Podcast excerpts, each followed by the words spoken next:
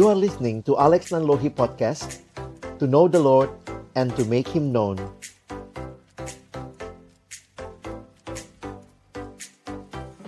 Mari sebelum kita membaca merenungkan firman Tuhan Kita berdoa. Bapa di dalam surga kami datang dalam ucapan syukur sore hari ini memuji memuliakan namamu merayakan kelahiran putramu Tuhan kami Yesus Kristus. Ya Tuhan kami mohon ketika sama-sama kami akan membuka firman-Mu, bukalah juga hati kami, jadikanlah hati kami seperti tanah yang baik, supaya ketika benih firman Tuhan ditaburkan boleh sungguh-sungguh berakar, bertumbuh, dan juga berbuah nyata di dalam hidup kami. Berkati hambamu yang menyampaikan, setiap kami yang mendengar, Tuhan tolonglah kami semua. Agar kami bukan hanya menjadi pendengar-pendengar firman yang setia, tapi mampukan dengan kuasa pertolongan dari rohmu yang kudus, kami dimampukan menjadi pelaku-pelaku firman-Mu di dalam kehidupan kami, di dalam masa muda kami. Bersabdalah ya Tuhan kami umatmu sedia mendengarnya dalam satu nama yang kudus, nama yang berkuasa, nama Tuhan kami Yesus Kristus. Kami menyerahkan pemberitaan firman-Mu. Amin. Shalom, selamat sore teman-teman sekalian. Saya bersyukur untuk kesempatan yang Tuhan berikan. Kita boleh sama-sama merayakan Natal pada sore hari ini bagian firman Tuhan yang akan kita renungkan dalam tema yang diberikan kepada kita tentang relasi ini, saya dasarkan hanya dari satu ayat saja. Mari sama-sama kita akan melihat di dalam kitab Yesaya, pasal yang ke-9 ayatnya yang kelima. Yesaya pasal 9 ayat yang kelima, mari kita membaca ayat ini Sebab seorang anak telah lahir untuk kita, seorang putra telah diberikan untuk kita, lambang pemerintahan ada di atas bahunya, dan namanya disebutkan orang penasehat ajaib, Allah yang perkasa, Bapa yang kekal, Raja damai. Saudara yang dikasihi Tuhan, ketika kita kembali merayakan Natal tahun ini, tentunya kita ingat kembali bahwa Natal adalah satu bagian penting dalam kehidupan kita sebagai orang Kristen, sebagai orang percaya. Tapi dikaitkan dengan tema kita sore hari ini, saya jadi ingat sebuah kutipan yang mengatakan tentang kekristenan sebagai sebuah relasi. Di dalam satu kalimat dikatakan Christianity is not only about religion, but it's a relationship with God through Jesus Christ. Saya pikir kekristenan berbeda dengan kepercayaan yang lain karena pusat daripada iman kita ada pada relasi dengan Allah. Kita tidak hanya bicara tentang ajaran, kita tidak hanya bicara tentang ritual, tetapi kekristenan adalah bicara tentang relasi dengan Allah. So it is not only about relationship, not only about ritual. Dan karena itu juga waktu merayakan Natal di tengah kondisi pandemi seperti ini teman-teman sekalian, saya jadi sadar gitu ya bahwa pandemi ini membawa banyak sekali perubahan buat kita. Tapi kemudian juga awalnya ini masalah kesehatan, tapi telah menjadi masalah dunia yang berkaitan dengan ekonomi, dengan sosial, dengan politik, bahkan dengan pendidikan. Teman-teman harus belajar dari jarak jauh, dan juga bahkan masalah spiritual. Kita harus beribadah seperti ini, sehingga merayakan Natal di tengah pandemi. Jadi, menarik juga untuk memperhatikan ada begitu banyak hal yang mungkin harus kita pangkas, kita potong dan kemudian menyisakan hal yang paling penting tentunya ya. Dan karena itu jadi sadar betul ya Natal bukan masalah makan-makannya aja ya karena realitanya kita daring seperti ini ya makan di tempat masing-masing. Tapi kenapa? Apa yang tetap penting di dalam Natal adalah kehadiran Kristus. sebuah kalimat dalam pertanyaan dalam bahasa Inggris dikatakan, "What is the most important thing about Christmas?" Lalu dijawab, "The most important thing about Christmas is the first six letters C H R I S T." Christus. Christ is the most important part of Christmas. Can you imagine Christmas without Christ tinggal mas ya? Kita tidak sedang bicara perayaan mas-mas, kita bicara kehadiran Kristus dan relasi dengan Dia sebagai Sang Bayi Natal. Itulah yang sebenarnya sangat penting di dalam kita merayakan Natal. Sehingga pertanyaan siapakah Yesus? Nah, mari kita kembali melihat ayat yang kita baca tadi ya. Karena ayat itu juga kalau kita perhatikan ketika Nabi Yesaya menyampaikan di kitab Yesaya itu kemudian digenapkan di dalam Kristus. Karena Nabi Yesaya menubuatkan kedatangan Mesias kurang lebih 700 tahun sebelum kelahiran Yesus. Dan menarik sekali kalau kalian mempelajari sebenarnya konteks pada masa Yesaya yaitu kerajaan Yehuda. Nanti baca Alkitab, lihat sejarahnya kalau suka uh, apa ya sejarah kerajaan jadi sebenarnya pada masa itu kalau kalian ingat raja Yehuda yang ketakutan karena ada dua kerajaan yang berkoalisi mau menyerang Yehuda yaitu kerajaan Israel di utara dan kerajaan Aram. Koalisi dua kerajaan ini mau menyerang kerajaan Yehuda yang ada di selatan. Nah, pada waktu itu kerajaan Yehuda ketakutan, mereka lalu minta bantuan kepada kerajaan lain yang waktu itu sedang naik daun, yaitu kerajaan Asyur. Dan di sinilah Yesaya diutus oleh Tuhan untuk memperingatkan Raja Yehuda.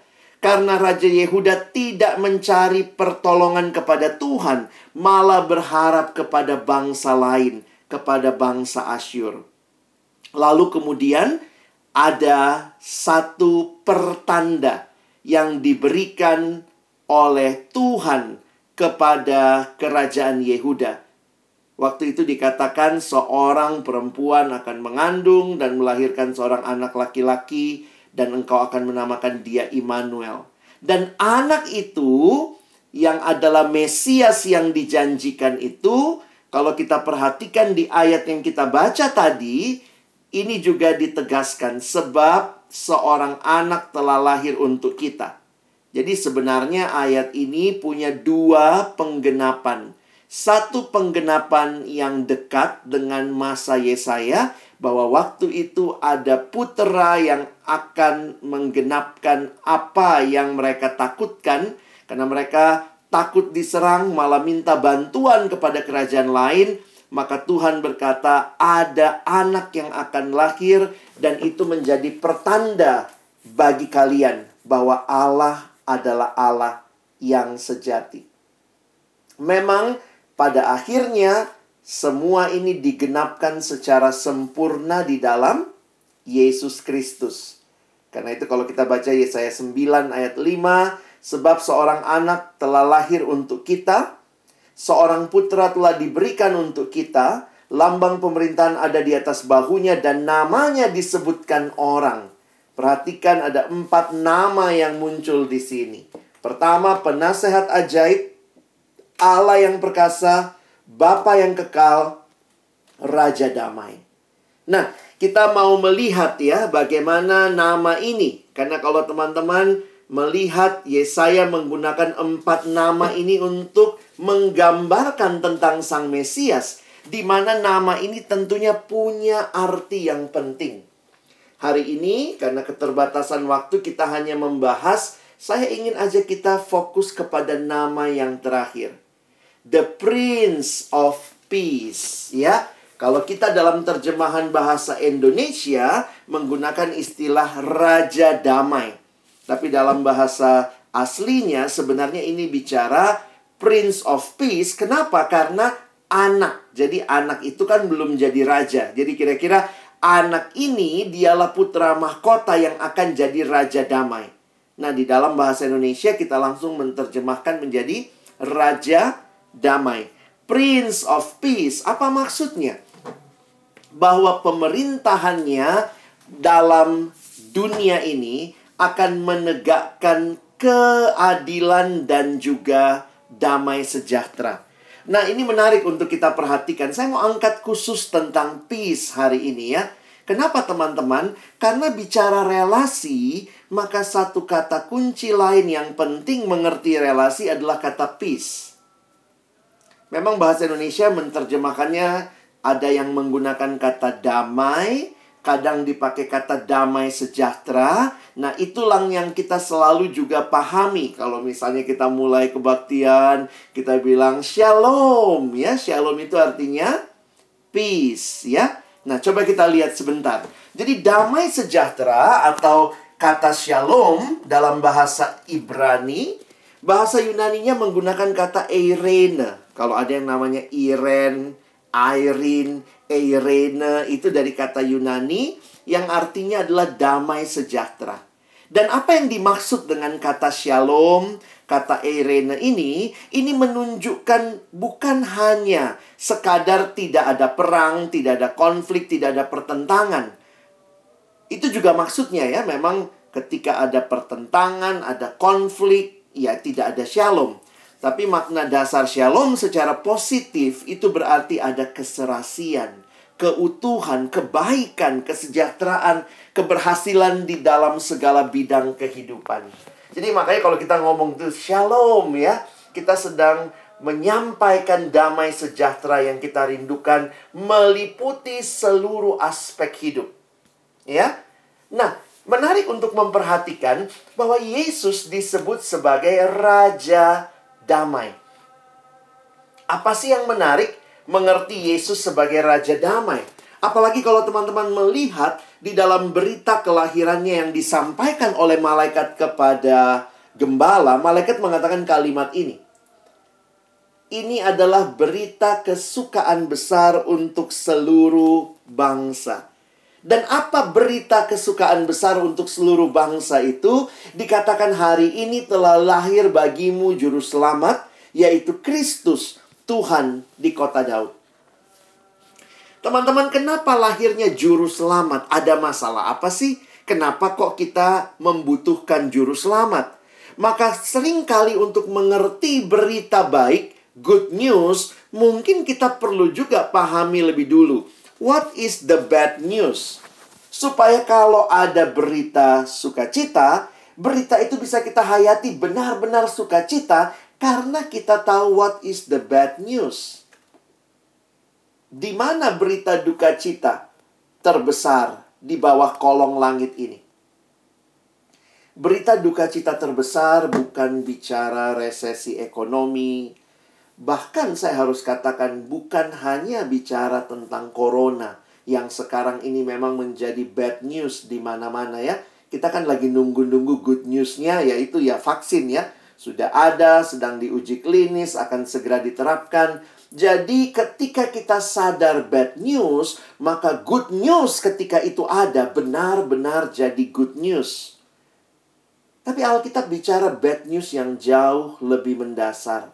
Roma pasal yang ketiga ayat 23 mengatakan karena semua orang telah berbuat dosa dan telah kehilangan kemuliaan Allah.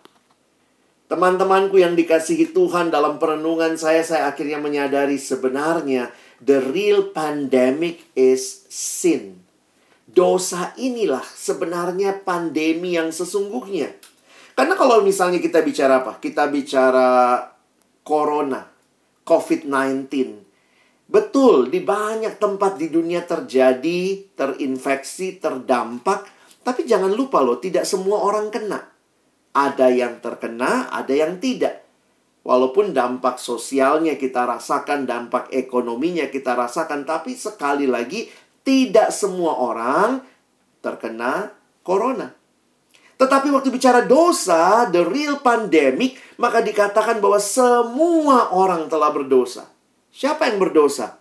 Bukan hanya orang yang bodoh, kurang pendidikan, dia berdosa, Tapi yang mau dikatakan adalah baik dia pintar, dia bodoh, dia miskin, dia kaya, dia tua, dia muda, dia perempuan, dia laki-laki. Semua orang telah berbuat dosa dan kehilangan kemuliaan Allah.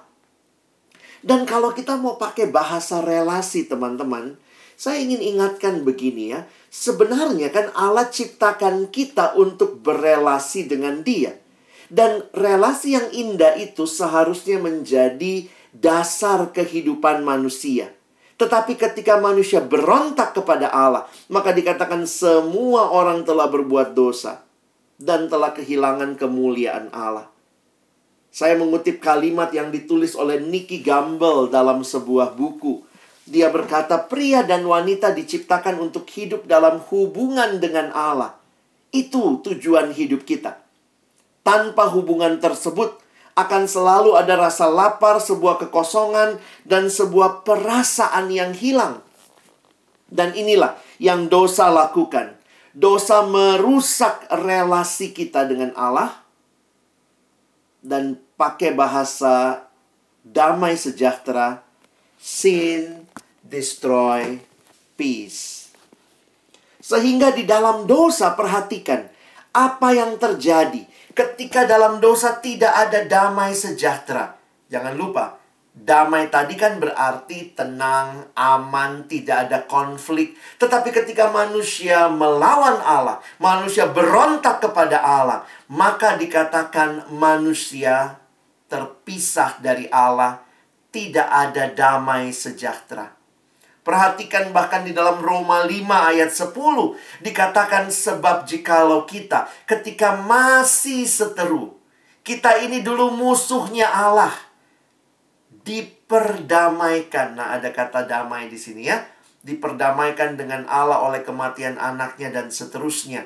Inilah gambaran manusia di dalam dosa. Dosa merusak relasi dengan Allah, dosa menghilangkan damai itu dan dosa menyedihkannya adalah lebih jauh memperbudak. Perhatikan istilah di dalam Alkitab. Ketika Rasul Paulus menggambarkan manusia di dalam dosa, Paulus menggunakan personifikasi. Dia men mengibaratkan dosa itu seperti seorang tuan yang lagi memperbudak hamba-hambanya. Karena itu digunakan istilah kamu dahulu adalah hamba dosa. Jadi teman-teman begitu mengerikan dosa ini. Mungkin kita pikir tadinya manusia dalam relasi dengan Allah begitu damai, begitu shalom, eirene, tanpa konflik. Tapi pemberontakan manusia kepada Allah membuat manusia jatuh dalam dosa, dibelenggu oleh dosa, dan akhir ceritanya Roma 6 ayat 23a mengatakan sebab upah dosa ialah maut. Lihat berita ini. This is the bad news.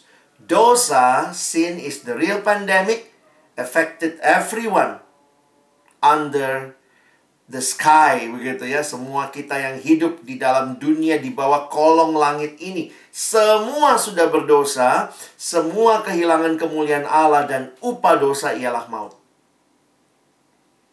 Kalau demikian dari mana jalan keluar atas maut kalau manusia bisa selesaikan dosanya saudara dan saya nggak butuh juru selamat Kenapa ketika Yesus lahir dia dikatakan juru selamat maka itu jadi berita sukacita? Karena manusia tidak bisa selesaikan dosanya sendiri. Kita mau selesaikan pakai apa? Mau pakai perbuatan baik? Harus sebaik apa supaya kita bisa layak menerima kehidupan yang kekal? Makanya jangan lupa ya. Kadang-kadang kalau kita hafal ayat mesti utuh teman-teman ya Kadang-kadang orang kalau ditanya Roma 6 ayat 23 langsung jawabnya sebab upah dosa ialah maut. Jangan lupa itu baru Roma 6 ayat 23 A.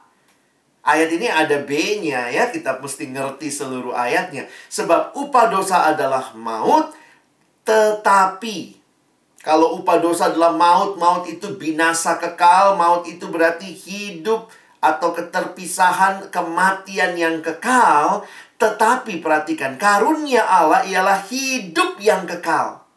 dalam Kristus Yesus Tuhan kita. Jangan cuma hafal Roma 6 ayat 23a. That is the bad news. Masa hafalnya bad news aja? Saudara harus hafal good newsnya. Tetapi karunia Allah ialah hidup yang kekal dalam Kristus Yesus Tuhan kita. Masalah utama kita adalah dosa dan perhatikan ketika Yesus datang, malaikat berkata kepada Yusuf ya, waktu Yusuf berniat menceraikan Maria diam-diam, malaikat tampak kepada Yusuf dan berkata, ia atau Maria akan melahirkan anak laki-laki dan engkau Yusuf akan menamakan dia Yesus karena dialah yang akan menyelamatkan umatnya dari dosa mereka. Kenapa lahirnya Yesus adalah berita sukacita? Karena pergumulan yang dialami semua manusia tentang dosa sekarang sudah ada jalan keluarnya. Teman-teman yang dikasihi Tuhan, Natal harusnya bukan hanya perayaan orang Kristen. Kalau saudara mengerti betul ayat ini, maka Natal seharusnya menjadi perayaan semua manusia berdosa di bawah kolong langit ini. Karena kalau kita perhatikan, apa yang terjadi bahwa Yesus ketika dia lahir, jangan lupa Natal tidak terpisah dari rangkaian hidup Yesus yang lainnya. Karena Yesus tidak hanya jadi bayi kecil, mungil terus jadi bayi, tidak.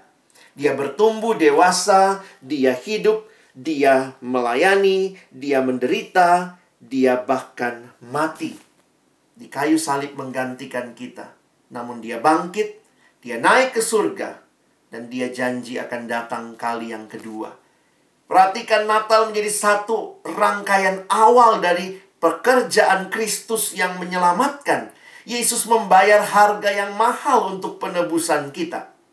Ini gambaran apa? Ini gambaran yang sudah ada sejak perjanjian lama. Gambaran pendamaian. Kalau saudara mengerti pendamaian dalam konsep perjanjian lama. Ketika ada yang diperdamaikan, maka biasanya ada korban yang harus diberikan untuk penebusan. Supaya dua pihak ini berdamai. Kenapa Yesus disebut Raja Damai?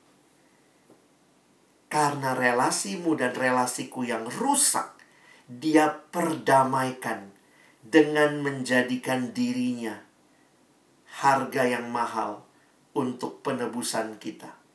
Perhatikan Roma 5 ayat 10 tadi. Lihat kalimat yang saya warnai ini. Sebab jikalau kita ketika masih seteru, dulu kita seteru. Tetapi sekarang kita diperdamaikan dengan Allah.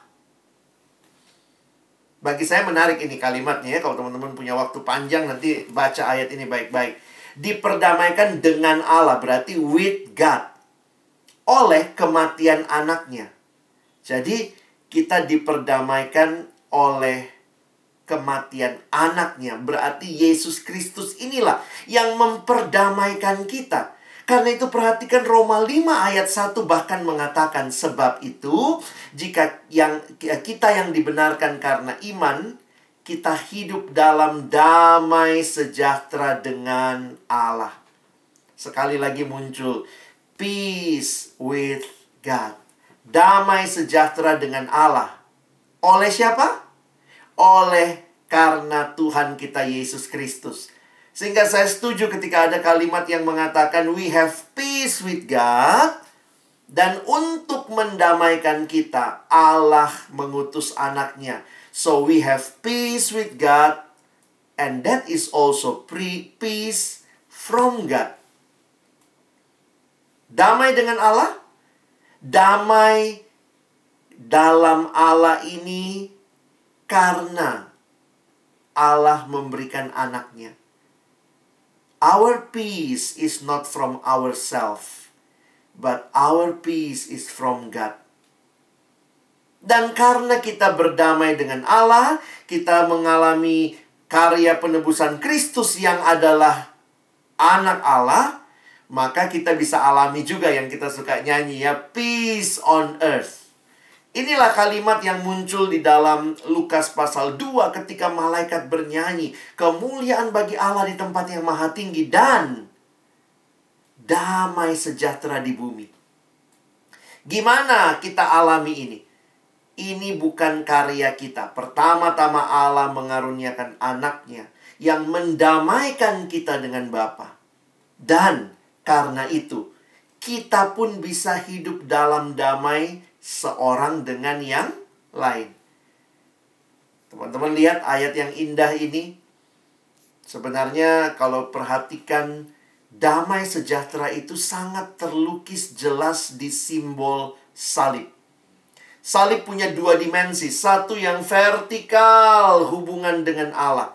Melalui karya Kristus di kayu salib kita diperdamaikan dengan Allah. Itu Roma tadi kalimatkan ya. Damai, peace with God. Tetapi salib juga punya dimensi horizontal we have peace with others.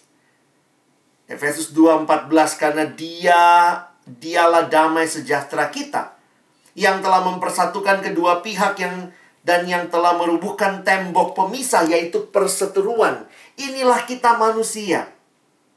Manusia ini kita adalah manusia yang berseteru dengan Allah, berseteru dengan sesama dan hanya Prince of Peace hanya Raja Damai itu yang bisa mendamaikan kita dengan Allah, mendamaikan kita dengan sesama. Itulah mengapa Yesus disebut Raja Damai. Raja Damai ini demi relasimu dan relasiku dipulihkan. Saya kutip kalimat pendeta almarhum Billy Graham. Dia mengatakan, Christ alone can bring lasting peace. Hanya Kristus yang bisa memberikan damai yang kekal. Peace with God, damai dengan Allah, peace among men and nations, damai di antara manusia dan bangsa-bangsa, and peace within our hearts, dan juga damai di hati kita. Karena itu saudaraku yang dikasihi Tuhan, bagaimana kita merayakan Natal seharusnya. Saya pikir waktu kita mengerti bahwa Yesus yang datang itu memulihkan relasi kita dengan Allah, relasi kita dengan sesama, bahkan dengan diri kita. Bagaimana kita merayakan Natal? Seorang anak remaja beberapa tahun yang lalu menanyakan kalimat ini kepada saya. Lalu saya bilang, Dek, kamu tadi udah nyanyi-nyanyi. Hah? Masa sih kak? Iya, apa lagumu tadi? Kalau dia kami waktu itu nyanyi lagu Hai dunia, gembiralah dan sambut rajamu. Di mana sambutnya? Di hatimu terimalah. Bagaimana kita merayakan Natal? Siapkan hati kita. Siapkan hati untuk apa? Untuk menerima damai sejahtera itu. Bagaimana wujudnya? Damai Allah itu diberikan di dalam putranya Tuhan Yesus Kristus. Sehingga Christmas is not about so much about opening presents as opening our hearts. Mari waktu Natal buka hati terima Yesus sebagai satu-satunya Tuhan dan Juru Selamat dalam hidup kita. Kalau saudara hanya jadi orang Kristen tradisi, Kristen KTP, Kristen tanpa pertobatan, Kristen tanpa perubahan. No. Natal adalah engkau menyambut Raja Damai di hatimu, kemudian engkau mengalami damai itu karena ada Yesus di pusat hidupmu. Dan itu bukan hanya berhenti pada dirimu. Tuhan berkata, engkau pun harus membawa damai itu 2 Korintus pasal 5. Teman-teman nanti bisa lihat pelayanan pendamaian. Paulus sadari kami terima pelayanan itu. Maka kalau sungguh-sungguh engkau mengalami kelahiran Raja Damai yang menebus engkau dan saya dari dosa, mari tidak lagi hidup sama dengan dunia. Kita dare to be different. Caramu belajar harus menunjukkan bahwa engkau bukan orang yang hidup dalam konflik dengan Allah. Caramu bekerja, kalau teman-teman ada yang mungkin bekerja, ada alumni yang sudah bekerja, harusnya menunjukkan perbedaan dalam pergaulanmu. Apakah engkau jadi trendsetter? Jangan cuma jadi trend follower ya. Banyak orang Kristen cuma jadi trend follower. Teman ngajak nyontek, nyontek. Teman ngajak bolos, bolos. Mari jadi trendsetter. Saya mau tidak nyontek. Siapa yang mau ikut saya? Follow me. Ini harusnya jadi kerinduan kita. Cara kita bergaul. Kalau sudah pacaran, gaya berpacaranmu pun ingat harus memuliakan Tuhan. True love waits. Ada kalimat kecil di bawah ya. Save it until marriage. Dan bukan hanya itu ya. Kalau nanti hidup berumah tangga juga, kiranya damai Allah itu dialami juga dalam setiap rumah tangga Kristiani. Jadi alami Natal itu pertama-tama relasimu dengan Allah dipulihkan dan kalau kau alami itu, maka sekali lagi seperti sebuah roda. Ini dibuat oleh seorang bernama Dawson Trotman. Bapak Dawson Trotman mengatakan ini adalah ilustrasi roda. Dia menggambarkan hidup orang Kristen yang taat seperti roda di mana di pusat hidupnya ada Kristus. Dan itulah yang menggerakkan hidupnya. Lalu dia melihat ada dua jari-jari, satu yang vertikal, hubungan dengan Allah. Saya bicara sama Allah, namanya doa. Allah bicara pada saya melalui firman. Tapi juga ada yang horizontal, hubungan dengan sesama. Dibagi dua. Ke dalam sesama orang percaya kita rindu dan rajin bersekutu. Keluar bagi mereka yang belum mengenal Tuhan. Biarlah kita hadir bersaksi. Jadi lihat ya. Firman, doa, bersekutu, bersaksi. Harusnya ini jadi kehidupan kita kalau saudara sudah mengalami relasi dengan Tuhan, maka Natal harusnya membuat engkau lebih bergairah lagi. Memprioritaskan waktu-waktumu membaca firman, berdoa, bersekutu, bersaksi, melayani. Ini jadi satu hidup yang mengalir dari hidup yang sudah didamaikan dengan Allah. Kiranya teman-teman yang merayakan Natal sekali lagi ya, kita nikmati membangun hidup rohani spiritual dengan Tuhan. Yang paling menyedihkan banyak orang lupa bahwa dia butuh Tuhan dalam menjalani hari-hari hidupnya. Disiplin rohani, baca firman Tuhan saat teduh berdoa itu bukan basa-basi bagi hidup rohani kita. Memang kita lakukan disiplin rohani bukan syarat memperoleh keselamatan, tapi itu sebenarnya respon karena kita sudah selamat. Karena itu penting sekali beri waktu yang berkualitas. Saya suka tanya ya, apa sih bedanya sisa sama sisih? Kadang gitu ya. Waktu yang kita kasih sama Tuhan yang sisa atau yang sisih ya. Biarlah kita tidak menyisakan waktu untuk Tuhan. Mari belajar menyisihkan waktu. Untuk hal yang penting orang rela menyisihkan waktu, tenaga, uang, kalau saudara mau alami Natal yang sejati, waktu engkau sudah buka hati terima Yesus, mari alami hidup yang berbeda. Susun ulang prioritas hidupmu. Sudahkah waktu-waktumu bersama Tuhan menjadi satu hal yang kamu nikmati dan jadi kekuatan bagi hidupmu?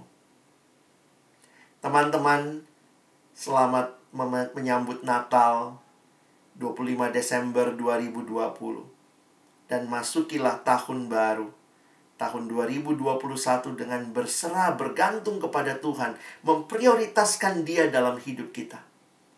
Karena Raja Damai itu datang di hati kita. Memulihkan relasi kita dengan Tuhan. Maka hiduplah dalam damai dengan Allah. Dalam damai dengan sesama. Kiranya Natal tahun ini bukan sekedar perayaan, tapi Natal sesungguhnya adalah perubahan. Amin. Mari kita berdoa. Bapa Surgawi, kami sudah mendengar firman-Mu, firman yang mengingatkan kami betapa Engkau merindukan relasi yang indah dengan kami Kelahiranmu sebagai Raja Damai memastikan kami kembali menikmati relasi dengan Allah dan juga dengan sesama. Karena itu tolong kami. Jadi anak-anak Tuhan yang sungguh rindu melalui kehidupan kami juga. Nyata bahwa Tuhanlah yang paling utama. Kami memberi waktu-waktu terbaik kami juga untuk menikmati relasi dengan Tuhan. Membaca firman-Mu, berdoa, bersekutu, bersaksi. Biarlah itu menjadi kehidupan kami yang telah mengalami Sang Raja Damai yang lahir di hati kami. Terima kasih Tuhan. Biarlah sekali lagi Natal tahun ini bukan sekadar perayaan yang kami ingat, tetapi benar-benar perubahan hidup yang kami mau buat di hadapan Tuhan. Jika ada dari kami yang hari ini berkata kami mau mengkhususkan waktu-waktu terbaik kami untuk membaca, merenungkan firman. Ada yang mungkin berkata, "Tuhan, saya tidak mau lagi hidup lebih lama di dalam dosa. Saya mau hidup menyenangkan Engkau setelah Natal ini." Apa pun keputusan kami, biarlah itu kami buat bagi kemuliaan Tuhan. Karena sesungguhnya hidup kami bukanlah hidup untuk mempermalukan Tuhan, tapi biarlah menjadi hidup yang mempermuliakan Tuhan seumur hidup kami. Terima kasih Tuhan, kami bersyukur untuk firman-Mu, tolong kami bukan cuma jadi pendengar, tapi jadi pelaku-pelaku firman-Mu. Dalam nama Yesus, kami bersyukur, kami berdoa. Amin.